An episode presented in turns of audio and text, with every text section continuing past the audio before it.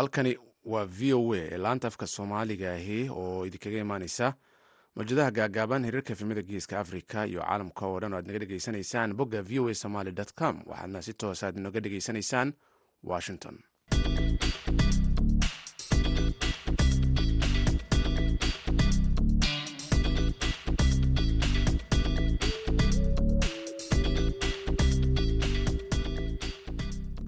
duur wanaagsan dhegaystayaal idilkiinba meel kastoo aad joogtaan. Waa saddexda bisha novembar sanadka idaacadda duhurnimo ee barnaamijka dhallinyarada maanta waxaa idinla socodsiinaya anigoo ah jamaal axmed cismaan.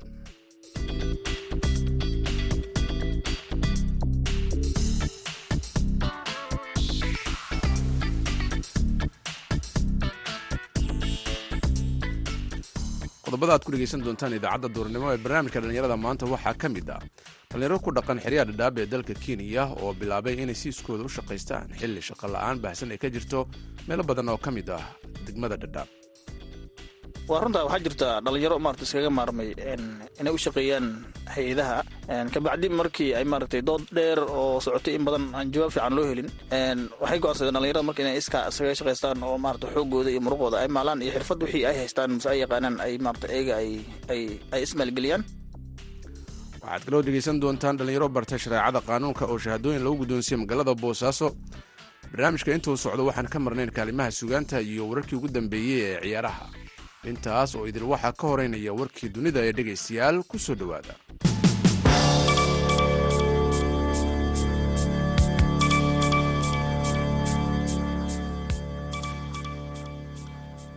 cabdulle axmed muudey oo afar labaatan jir ah iyo cumar aadan maxamed oo sagaal labaatan jir ah oo hore loogu helay dembiyaha inay ka tirsan yihiin al-shabaab ayna dileen laba ka tirsan ciidamada amniga ayaa maanta toogasho lagu fuliyo gudaha. Magaalada muqdisho cabdulle axmed ayaa lagu helay inuu dilay cali cabdulle maxamed oo ka tirsanaa ciidamada amniga bishii novembar ee sannadkii halka cumar aadan maxamed isna lagu helay inuu dilay cabdulaahi maxamed hilowle bishii oktoobar sannadkii maxkamadda ayaa xukunkaasi ku riday labadooda bishii disembar ee kii dilka labadan ayaa waxa uu ka dhigaya maleeshiyaadka la toogtay maalmihii la soo dhaafay toban kuwaas oo lagu helay dembiyaha inay dad shacaba iyo askarba ay dileen. Dhinaca kale isla wararka muqdisho ugu yaraan hal qof oo caruura ayaa dhintay ko toban kalena. Waxaa la sheegaya inay dhaawacmeen kadib qarax ka dhacay degmada dayni leh ee muqdisho qaraxan ayaa amiino lala beegsaday gaariga guddoomiye ku-xigeenka amniga iyo siyaasadda gobolka banaadir. Cali cabdi wardheere caliyare oo weerarkani markii uu dhacayay la sheegay inuu gaariga uusan isagu la soconin sida uu isagu v o a u xaqiijiyey qaraxan ayaa waxa uu sidoo kale guddoomiye ku-xigeenka sheegay in uu waxyeelo weyn gaarsiiyey dad shacab ah oo la socday baabuur kuwa dadweynaha ah. Guddoomiye ku-xigeenka oo aan la socon gaariga qaraxa dhacay ayaa waxaa kaloo uu xaqiijiyeen qaar ka mid ilaaladiisa ay weerarka ku dhaawacmeen. Ciidamada ruushka ayaa weeraro gantaalaha ku garaacay xarumo ku yaalla waddanka ukrain halkaas oo la sheegayo in dhibaato ay soo gaartay nidaamka tamarta ee waddankaasi. Weerarada gantaalada ruushka ayaa ku dhuftay kaabayaasha tamarta ee gobolka ukrain ee la yidhaahdo zabrozisia iyo gobol kale oo halkaasi ku yaalla gelinkii dambe arbacada taas oo sii adkaysay shaqada nidaamka tamarta howlwadeenada shabakada ukrain ee ukrinergo ayaa sidaasi sheegay maanta.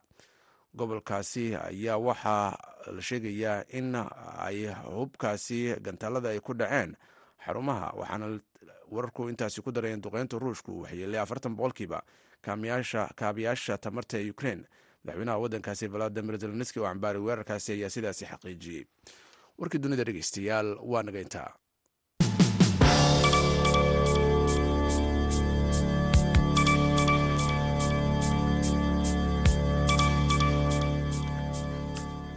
wanaagsan duhur wanaagsan dhegeystayaal waa subax xaggeega xaggiinu waa duhur. Dhegeystayaal meel kastoo aad joogtaan aynu gudagalno qodobada aan idaacadda idinkugu hayo. Qaar ka mid ah dhallinyarada ku dhaqan xeryaha qaxootiga dhadhaab ee waddanka kenya ayaa bilaabay inay siiskooda u samaystaan fursado shaqo si ay noloshooda ugu dabaraan. Waxaase markii hore jirtay in fursado ay ka heli jireen hay'adaha samafalka ee ka howlgala deegaanadaas kuwaasoo la sheegay in hadda fursadahoodii ay aada u yaraadeen. Axmed nuur maxamed cabdulaahi gool ayaa warbixin arrintan la xiriirta noo soo diray qaar ka mid a dhallinyarada ku nool xerooyinkan qaxootiga ee dhadhaab ayaa markii ay yaraadeen fursadaha dhanka shaqada ee hay'adaha samafalka islamarkaana mushaaro wanaagsan aysan ka helin hay'adaha samafalka ayaa waxay ku dhiiradeen in iyagu si gooni ay u samaystaan goobo ganacsi oo ay ku maareeyaan nolosha qoysaskooda. Dhallinyaradan ayaa waxay sheegeen in wax badan noloshooda iska bedeshay horaanna ay ku tiirsanaayeen mushaar ka yar boqol dollar taasi oon ku filayn baahida qoysaskooda. Siyaad tawane aadan oo ka mida guddiga xerooyinkan qaxootiga ee dhadhaab ayaa barnaamijka dhallinyarada ee v o a oga warramay waxyaabaha dhallinyaradan ku dhaliyey inay ka maarmaan shaqooyinkii hay'adaha samafalka. Waa mahadsan tahay magacayga waa siyaad tawane aadan waxaan ka mid ahay hogaamiyaasha ururka dhallinyarada xarooyinka waa runtaa waxaa jirta dhalinyaro maarata iskaga maarmay inay u shaqeeyaan hay'adaha. Kabacdi markii ay maaragtay dood dheer oo socotay in badan aan jawaab fiican loo helin. Waxay go'aansadeen dhalinyarada marka inay iska iskaga shaqaystaan oo maarata xoogooda iyo muruqooda ay maalaan iyo xirfad wixii ay haystaan mase ay yaqaanaan ay maarata ayaga ay ay ay ismaalgeliyaan. Mase eheladooda ay maarata ay ka codsaan inay maalgeliyaan saasna ay maarata shaqo oo ayaga ay ay curusteen mase ayaga ay diyaarsadeen ay maaratay ay ka ka soo saartaan nolol maalmeedkooda. Waxaa jirtaa in dhallinyaradan in badan ay ku doodahayeen in mushaaraadka ay ka qaataan hay'adaha samafalka. Hadday yihiin dhallinyarada waxbaratay xitaa kuwa jaamacadaha ka baxay inuu yahay wax ka yar boqol dollar. Taasina ay keentay in nolosha qoysaskooda ay ku fillaan weyde qaarkood ay sida aad ka dhawaajisay ay shaqooyin shaqa abuura ay samaysteen. Marka arrimahan doorinta leg bay ka qaateen in dhallinyaradan shaqa abuur ay helaan. Sidoo kaleetana nolosha qoysaskooda ay wax ka bedasho wallaahi hadda dhallinyaradii si iskooda ah isu maalgeliyey mase eheladooda ka codsada inay maalgeliyaan waxaad moodaa inay ka maarmeen hay ay u shaqaynayeen. In badan hay'adaas hay'adaha marka loo shaqaynayo dadka maarata dhalinyarada ku barbaarta xerooyinka qaxootiga oo asalkooda qaxooti ah waxaa inta badan maaratay shaqada la siiyo waxaa waaya incentive incentive oo ah maarata qof un maarata un si saabuuntii iyo wuxu gadan lahaa oo keliya aan maarata maarata aan ahayn salary. Mase aan ahayn maarata bil mishaari quban aan ahayn. Marka in badan oon ka doonnay oo humanization policy la soo dejiyey aan dhahnay waxa laga bedelo wax laga qabto wax lagu kordhiyo markay socon weysay dhalinyarada waxay marka go'aansadeen inay maarata iskooda ay maarata isu maalgeliyaan. Taasna marka waxay keentay improvement. Xagga noloshooda markaad fiiriso dad marad isku filan oo wax qabsaday oo ka maarmay gacan ku hayntii hay'adaha maarata hadda dhalinyaradu eekin in badanoo ka mid ah.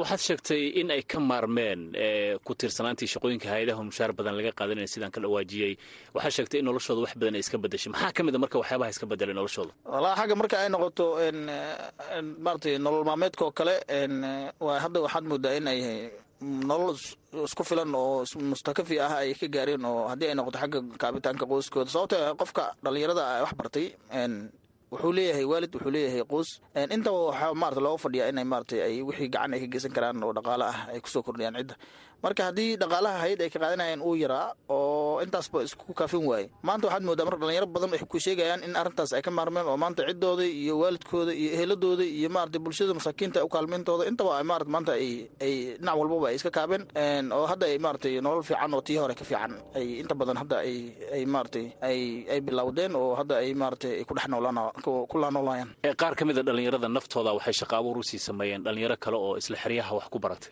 Ha dhalinyaro badan hadda arkaysa iskuulla kuwa barafada furteen iskuulka barafadka ah wuxuu u baahan yahay intaasoo macalin intaasoo shaqaale intaasoo maarata marka haddii kale mase meel goob oo ganacsi aad bilowday intaasoo shaqaalaad aad qoranaysaa oo qaxootiga. Marka waxaa waaye adiga noloshaadii haddana dad kale maarata kuusii tiirsanoo maarata aad shaqo abuur iyo wax aad u samayso oo waxay noqonaysaa marka nolol oo taadana aad anfacday tii bulshadiina kula nooleed mase asxaabtii kalena aad anfacday noqonaysaa. Marka waxaa waaye dad badana hadda markaad fiiriso arrimahaas inta badan ka mahad celiyo oo dadaalka in badan inay mar hore soo bilaabanba ay aheyd ay maarata ay hadda inta badan kuu sheegayan waxay leeyihiin haddaan ognahay inaysaan ay nolosha ay tahay mararaawan maarata aan aan fursadahan iyo aan shaqa abuurka aniga noo gaarka ah aan mararaa samaysan lahayn ay ku dhahayan hadda.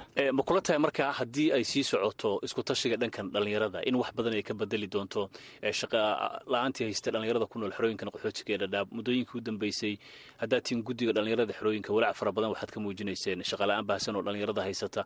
Waxaad arkaysaa nin jaamacad ka soo baxay oo ilaa digrii sameeyey balse shaqa la'aan ay hayso. Hadduu shaqo helana wax ka yar boqol dollar uu ku shaqaynayo nolosha qoyskiisa aan ku fillayn marka ma la odhan karaa in haddii arrintan sii socoto in dhalinyaradu guule ay ka gaari karaan inaysan ku tiirsanaanin shaqooyinka hay'adaha laga raadiyo ha ha oo weyn. Weliba zaid dad badan oo hadda waxbarashadoodina maarata soo dhammaystay si gaar ahna ayaga isu maalgeliyey mase eheladooda ay maalgeliyeen oo maanta hay'ad a ku tiirsaneen. Oo nolol fiican maaratay ku dhex maarata ku dhex leh xarooyinka xuutiga jiro. Marka way ka maarmi karaan oo wayna ka maarmayaan. Mar haddii qofka uu asaga isku filnaansho gaaro haddii cid kale u baahan yaha maaha ilahay aan ka ahayn marka ugu dambayntii maxay tahay baaqaada ugu baaqaysa dhalinyarada haddii sidaad ka dhawaajisay dhalinyarada isku tashadeen waxaad sheegtay inay wax badan inay wax badan bedeli karaan. Waxaa dhacday in sanadihii hore ay dhallinyarada si aad ugu tirsanaayeen shaqooyinka hay'adaha samafalka oo xafiisyada subax hay'adaha markaad tagto dhalinyaro fara badan oo shahaadooyin wadato shaqaraaysa arkaysa balse haatan ay yar tahay. Marka maxaad ugu baaqi lahayd dhalinyarada dhalinyarada waxaan ugu baaqayaa mar kasta horta inay maaragtay isku xirnaan iyo wadajir ay muujiyaan iskaalmeeyaan isku xirnaadaan oo maarata iska warqabaan dhalinyarada xerooyinka qaxootiga. Si walba ay ahaato ay maarata noloshooda dad iska warqaba ay noqdaan. Midda kale waxaan dhihi lahaa dhalinyarada waa inay isu keenaan maarata wixii resource ay haystaan inay isu keenaan. Dependency syndrome-ka in badan lagu soo jirana si maarata loo birgeliyo cyclekaas wuxuu u baahan yahay in la jebiyo. Marka cyclekaas si loo jebiyo dependency syndrome-ka ah waxaan u baahannahay mujtamaca mase dhalinyarada da-da yar ee hadda wax baratay ee xerooyinka qaxootiga in badan ku noolaa inay isku imaadaan oo fikirada wadaagaan oo caqliga wax soo saarka maarata ay wadaagaan maarata talo fiican ay la imaadaan si maarata ay uga maarmaan maxaa lihi jiray dependency oo hay'ad lagu dulnoolaan mase maarata qof kale wax laga sugaya inta badan. Sababtoo bili-aadan waxaad ka sugto waxaa ku dhanta waxaad gacmaha sababtoo soomaali waxay dhahdaa biyo gacmahaada sacaabadaada looga looga dhargaa. Marka mar haddii aadan isku filnaansho gaarin oo gacmahaada adeegsanin mase wax caqligaada iyo fikirkaada iyo talada iyo xooggaada aad adeegsanin oo aad qof kale wax ka sugto waxaa laga yaabaa in badan inaad sugto oo maarata wixii aad rabtana aadan helaynin. Marka waxaan leeyahay dhalinyarada isu tashada insha allah. Dhalinyaro tiro badan ayaa sanad walba ka baxda dugsiyada sare ee ku yaalla xerooyinkan qaxootiga ee dhadhaab macadyada iyo weliba sidoo kale jaamacadaha dalkan kenya kuwaasi oo shaqala-aan baahsan ku wajahaya xerooyinkan qaxootiga ee dhadhaab. Marka laga taga dhalinyaradan isku tashatay islamarkaana samaysatay goobo iyaga u gaar oo ganacsi ay ku maarayaan nolosha qoysaskooda. Dhalinyaradan ayaa sidoo kale waxay shaqaabuur u sameeyeen qaar ka mid a dhalinyarada kula nool xerooyinkan qaxootiga ee dhadhaab axmed nuur maxamed cabdulaahi iyo gol v o a. Aad buu mahadsan yahay axmanuur dhegeystayaal markana magaalada boosaaso dhalinyaro isugu jira wiilalay gabdho oo bartay shareecada iyo qaanuunka culuumta asaasiga ayaa magaalada boosaaso loogu guddoonsiiyey shahaadooyinkii waxyaabihii ay soo barteen warbixin arrinta la xiriirta waxaa magaalada boosaaso ka soo diray wariyaha v o a yuusuf maxamuud yuusuf.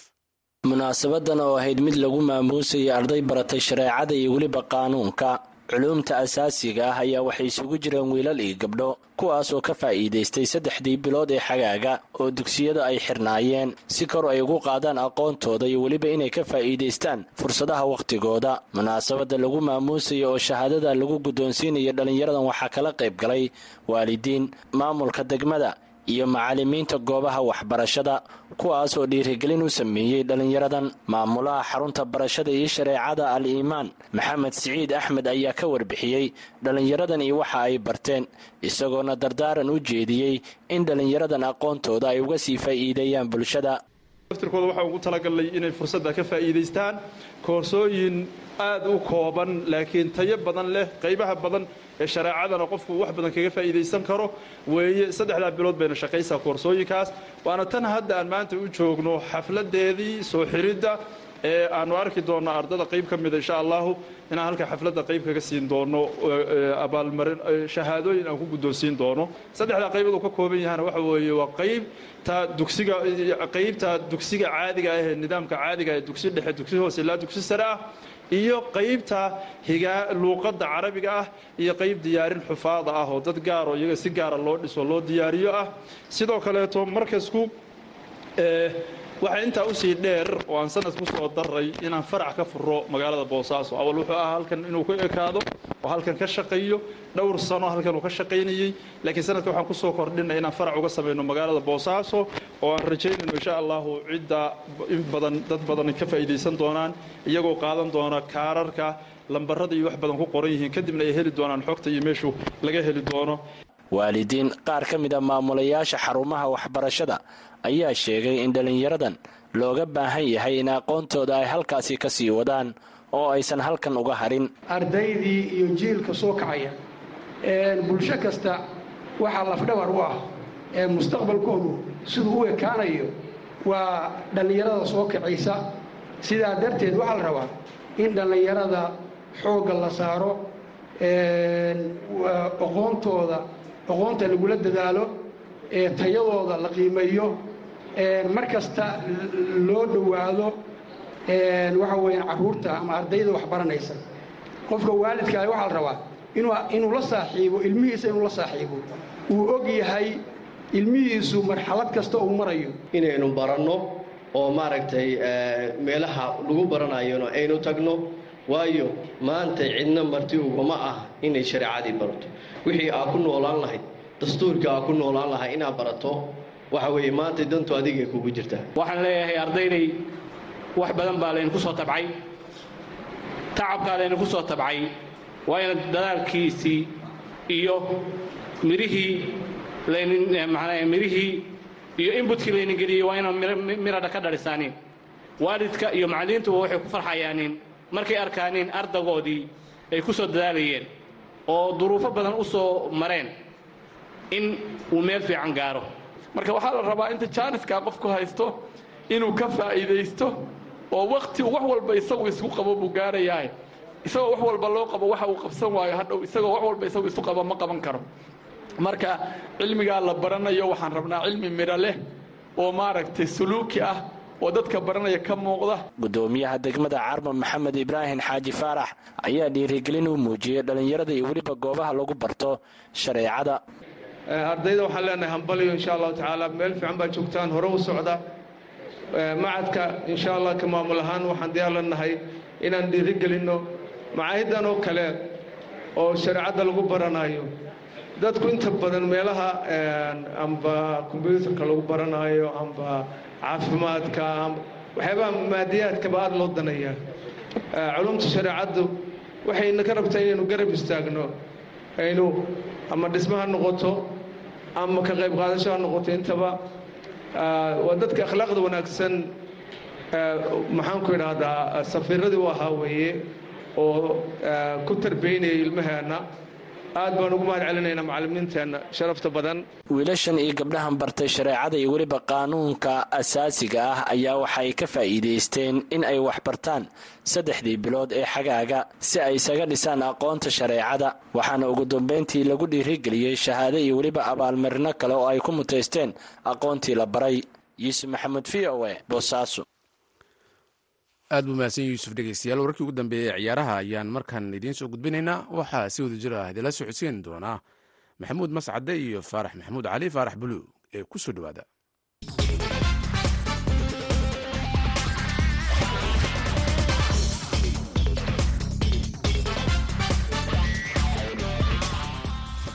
kulan wanaagsan dhegaystayaal dhammaantiinba kuna soo dhowaada xubinta ciyaaraha habeenkii xalay ahaa waxaa gebi ahaanba la soo gebagabeeyey wareegga koowaad ciyaaraha guruubyada ee champions leaga iyadoo kooxihii ugu dambeeyeyna ay u soo gudbeen wareegga lix iyo tobanka ee ciyaaraha champions league. Kulamadii habeenkii xalay ahaa fooda laysdare waxaa ka mid a gruubka e kooxaha kubadda cagta ac milan iyo f c zelsburg kooxda ac milan ayaa afar gool iyo waxba ku soo guulaysatay ciyaaryahan olivia juro ayaa goolashaasi laba ka mid a u dhaliyay kooxda kubadda cagta ac milan chelsea. Laba gool iyo hal waxay kaga soo adkaatay kooxda kubadda cagta ee dynamo zagreb. Waxaa ka soo gudbay gruubkaasi ac milan iyo chelsea. Kooxda kubadda cagta ee real madrid shan gool iyo hal ayay ku dharbaaxday kooxda kubadda cagta ee celtic. Halka shakhtaar adoneski oo rajo weyn ka lahayd inay u soo baxdo wareegga lix iyo tobanka. Rajadaasi gurigeeda oo ay guri ahaan ugu ciyaarto wadanka poland. Habeenkii xalay ahaa ay burburisay kooxda kubadda cagta ee wadanka jarmalka ee r b leipzig. Afar gool iyo waxba ayaa laga adkaaday shakhtaar adoneski f c copenhagen. Waxaa gurigeedu ay barbaro kula gashay kooxda kubadda cagta ee brushia dortman oo hal iyo hal ayay ku kala tageen brushia dortman hore ayay u soo baxday kooxda kubadda cagta ee manchester cityna saddex gool iyo hal waxay ku dharbaxday kooxda sevilla oo ay gurigeeda kaga adkaatay. Yuventus iyo b s g ayaa habeenkii xalay ah kubad xiiso badan soo bandhigay. Kooxda kubadda cagta ee yuventus ciyaartooy aada u da-yar ayay garoonka soo geliyeen. Inkastoo ciyaaryahan kieza oo kooxda muddo kaaga dhaawac kaga maqnaa uu habeenkii xalay ahaa garoonka ka soo muuqday. B s g laba gool iyo hal dirqi ah ayay ku guulaysatay makabi haiva benfica ayaa gurigeeda kula ciyaartay wadanka israel benfica lix gool iyo hal ayay ku soo guulaysatay oo kaalinta koowaad iyada ayaa ku soo baxday. Guudahaan haddii aan jaleeco kooxaha u soo gudbay wareegga lix iyo tobanka dhammaantood waxay kale yihiin gruupka e. Waxaa ka soo gudubtay ka soo gudbay kooxaha napoli iyo liverpool gruupka b f c porto iyo galab ruge gruupka c bayer munich iyo inter milan gruupka d tottenham hatsba iyo entracht frankfort gruupka e chelsea iyo ac milan gruupka f real madrid iyo r b leipzig gruupka g manchester city iyo brushia dortman iyo gruupka h oo ay ka soo gudbeen bonfica iyo b s g haddaba waxaan jeclaha barnamijka inaan ku soo dhaweeyo haatan saaxiibkay faarax maxamed cali oo ka tirsan laanta afka soomaaliga ee v o a oo loo yaqaano faarax bulu kana mida wariyaasha ciyaaraha ka faallooda ee v o a. Faarax soo dhawow inta aynaan gelin kooxda kubadda cagta b s g oo kaalinta labaad ku soo baxday bal marka hore haddii aynu dib u jaleecno kooxda kubadda cagta ac milan kulankii xalay la ciyaartay f c zelsburg afar gool iyo waxba ayay ku soo guuleysatay. Waxaase la yahay faaraxo ciyaaryahan olivia juro afarta gool laba isaga ayaa dhaliyey labana waa uu dhigay. Ac milan kulankii ay soo bandhigtay haddii aada dib u eegto ciyaaryahan olivia juro maxaa keenay baa leedahay xilligan inuu noqdo lafdhabarka ay kooxda ku taagantahay waa mahadsan tahay mascad saaxiib. Runtii waa sida aad sheegtay jiro xalay laba goolna waa dheliyay labana waa dhiibay. Xaqiiqatana markaad fiirisid lafdhabarnimada uu kooxda uu yahay ka sokow markii ugu horreysay muddo sideed sano ah ayuu kooxda ac milan u soo gudbiyey wareegga labaad ama lix iyo tobanka champions league. Marka runtii wacdaro axaas xala uu dhigay taariikhdaas uu ku sameeyey wuxuuna noqday runtii ciyaaryahankii ugu da-da weynaa oo laba gool championka ka dhaliya ama philipe inzaga oo sannadkii labada kun iyo tobankii laba gool ka dhaliyay real madrid. Marka waxay u muuqatay runtii in ay niyaddana ku hayeen inay xalay badiyaan kaalinta labaadna ay ku soo baxaan. Lafdhabarna inuu maaragta ciyaaryahankaas da-daas jiraah uu u noqdo kooxdiisa ac milan marka runtii natiijo weyn ayay sansiria xala u ahayd. Waa gartay. Marka aada eegto marka kooxda ac milan awoodeeda oo kaalinta labaad bay ku soo baxday dabcan kooxo waaweyn bay suuragal tahay inay fooda isla galaan. Juru iyo xertiisu ma isleedahay wareegga lix iyo tobanka way dhaafi doonaan mase halkaabay ku egyihin runtii champions league maadaama ay tahay runtii koox weyn oo khibrad ku leh ciyaaraha champions leaga waxaa laga yaabaa inay fursad u inay u soo baxdo wareegga xiga sideedda kooxood. Waana wax maaragtay la saadaalin karo haddii runtii la sugi karo ama maalinta isniinta isku aadka marka la sameeyo kooxda ay ku dhacdo la fiirin karo. Marka waxaan is leeyahay inay u soo gudbi karto wareegga xiga wa garta waa haddii ay kooxaha laga awooda badan yahay qeybta koowaad ku jira ay ku aada waa tahay kooxda kubadda cagta b s g iyadoo isleh kaalinta koowaad ayaad ku soo baxaysaa gruubkaaga ayaa daqiiqadihii ugu dambeeyey bafinka makabi haiva waxay ka dhalisay laba gool. Sidaasi kaalinta labaad bay b s g ku soo baxday. Kooxo waaweyn oo ay iska hor imaan karaan ayaa jira. Bal haddaad noo sheegto kooxa ay isku dhici karaan kooxda kubadda cagta b s g iyo rajadeedu sida ay tahay. Waa mahadsantaha runtii wax mucjisahay ahayd. Wixii xalay ka dhacay champions league gaar ahaan groupkan b s g iyo iyo iyo ay ka soo baxeen bonfica runtii wax walba waa iska yeesheen dhinaca dhibcaha goolasha ay dhaliyeen natiijada labadooda ay kuwada maarata ku kala baxeen. Keliya waxa ayay uga sare martay bonfica b s g ay ahayd goolasha ay dibadda ku soo dhalisay ama meel ka baxsan garoonkeeda. Marka kooxo waaweyn runtii ku aadaysaa maadaama ay kaalinta labaad ku soo baxday chelsea oo kale real madrid maaragtay tottenham manchester city napoli bayer munich iyo f c borto dhammaan kooxaha kaalinta koowaad ku soo baxay oo runtii dhammaantood wada adag ayay ku aadi doontaa. Waxaase la yaab la mascado kooxda ay afka hore uga ciyaaraan imbabe messi iyo neymer sababta gool different runtii xalay ay kaalinta labaad uga dhacaan. Waa lixda gool oo ay lama filaanka ay dhalisay kooxda kubadda cagta ee bonfica waa tahay faarax aad iyo aad baad u mahadsan tahay. Dhegeystayaal kulamo kale oo ka tirsan koobka ueva league ee loo yaqaano oroba league ayaa caawa iyaguna. Kooxaha qaar iskaga hor imaanayaan. Kulanka dabcan ugu xiisaha badan waxa uu dhex mari doonaa kooxaha kubadda cagta real sociedad iyo manchester united. Guriga kooxda kubadda cagta real sociedad ayaana lagu wada ciyaarayaa halka arsenaalna f z zurich ee garoonkeeda imarat stadium kula ciyaarayso. Intaynu mar kale dib u kulmi doono dhegeystayaal waa anigoo ah maxamuud mascade iyo faarax bulu oo idinku dhaafaya sidaa iyo nabadgelyo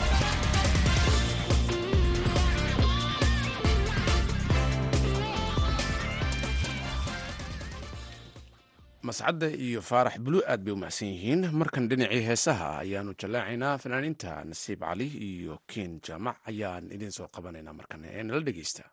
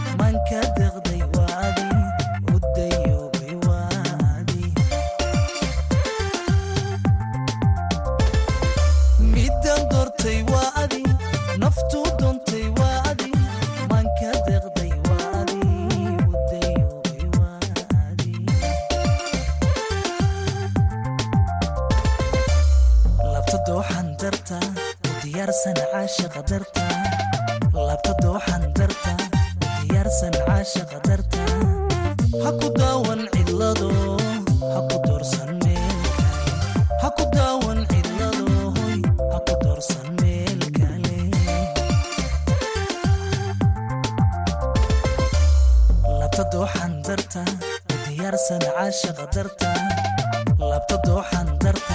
U diyaarsan caashaqa darta. Ha ku daawan